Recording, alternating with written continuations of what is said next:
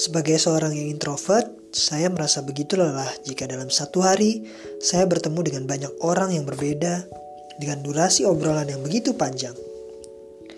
Saya perlu recovery dan recharge diri sendiri dengan mencari tempat yang sunyi atau kembali ke rumah. Begitu pula dengan saat teduh.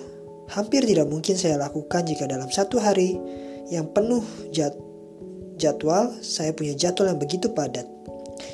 Bagaimana siasat membagi waktunya? Saya biasanya mencari momen untuk menyepi. Biasanya saya lakukan itu di dalam toilet. Oh iya, menulis itu juga merupakan spesialisasi para introvert loh.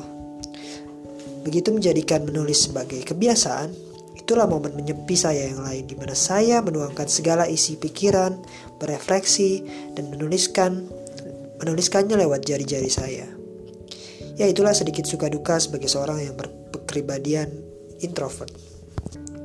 Bacaan hari ini diambil dari kitab Markus bab 1 ayat 29 sampai dengan 39. Berkisah tentang Yesus yang menyembuhkan banyak orang dan mengusir setan-setan, lalu pergi ke seluruh Galilea untuk memberitakan Injil ke rumah-rumah ibadat. Dalam bacaan hari ini ada momennya juga ketika Yesus menyepi ketika ia butuh waktu untuk berdoa secara pribadi. Ya, saat teduh Tuhan Yesus dengan Allah Bapa. Hidup di Estonia membuat saya kembali belajar untuk mandiri dan terbiasa mengatur waktu saya lebih baik. Hidup sehat dengan berolahraga, dan hidup penuh khidmat dengan merenungkan sabda Tuhan setiap harinya. Malam harinya, malam hari menjadi waktu yang tepat bagi saya untuk merenungkan renungan keesokan harinya. Sehingga jika saya berkesempatan mengikuti misa harian di gereja Katolik di Tartu Estonia ini yang Notabene menggunakan bahasa Estonia saya tidak bengong lagi karena saya sudah tahu bacaan hari ini. Nah, bagaimana dengan pengalaman saat teduhmu sendiri?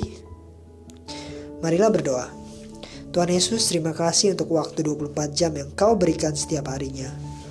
Mungkin kami sering kali menyanyiakannya. Tapi lewat sabdamu hari ini, kau ingatkan kami kembali tentang menyediakan waktu untuk berdoa. Terangilah hati kami sehingga kami tetap bisa menyediakan waktu untukmu di tengah-tengah kesibukan kami sehari-hari. Hanya di dalam namamu kami berdoa dan mengucap syukur. Amin. Dalam nama Bapa dan Putra dan Roh Kudus. Amin.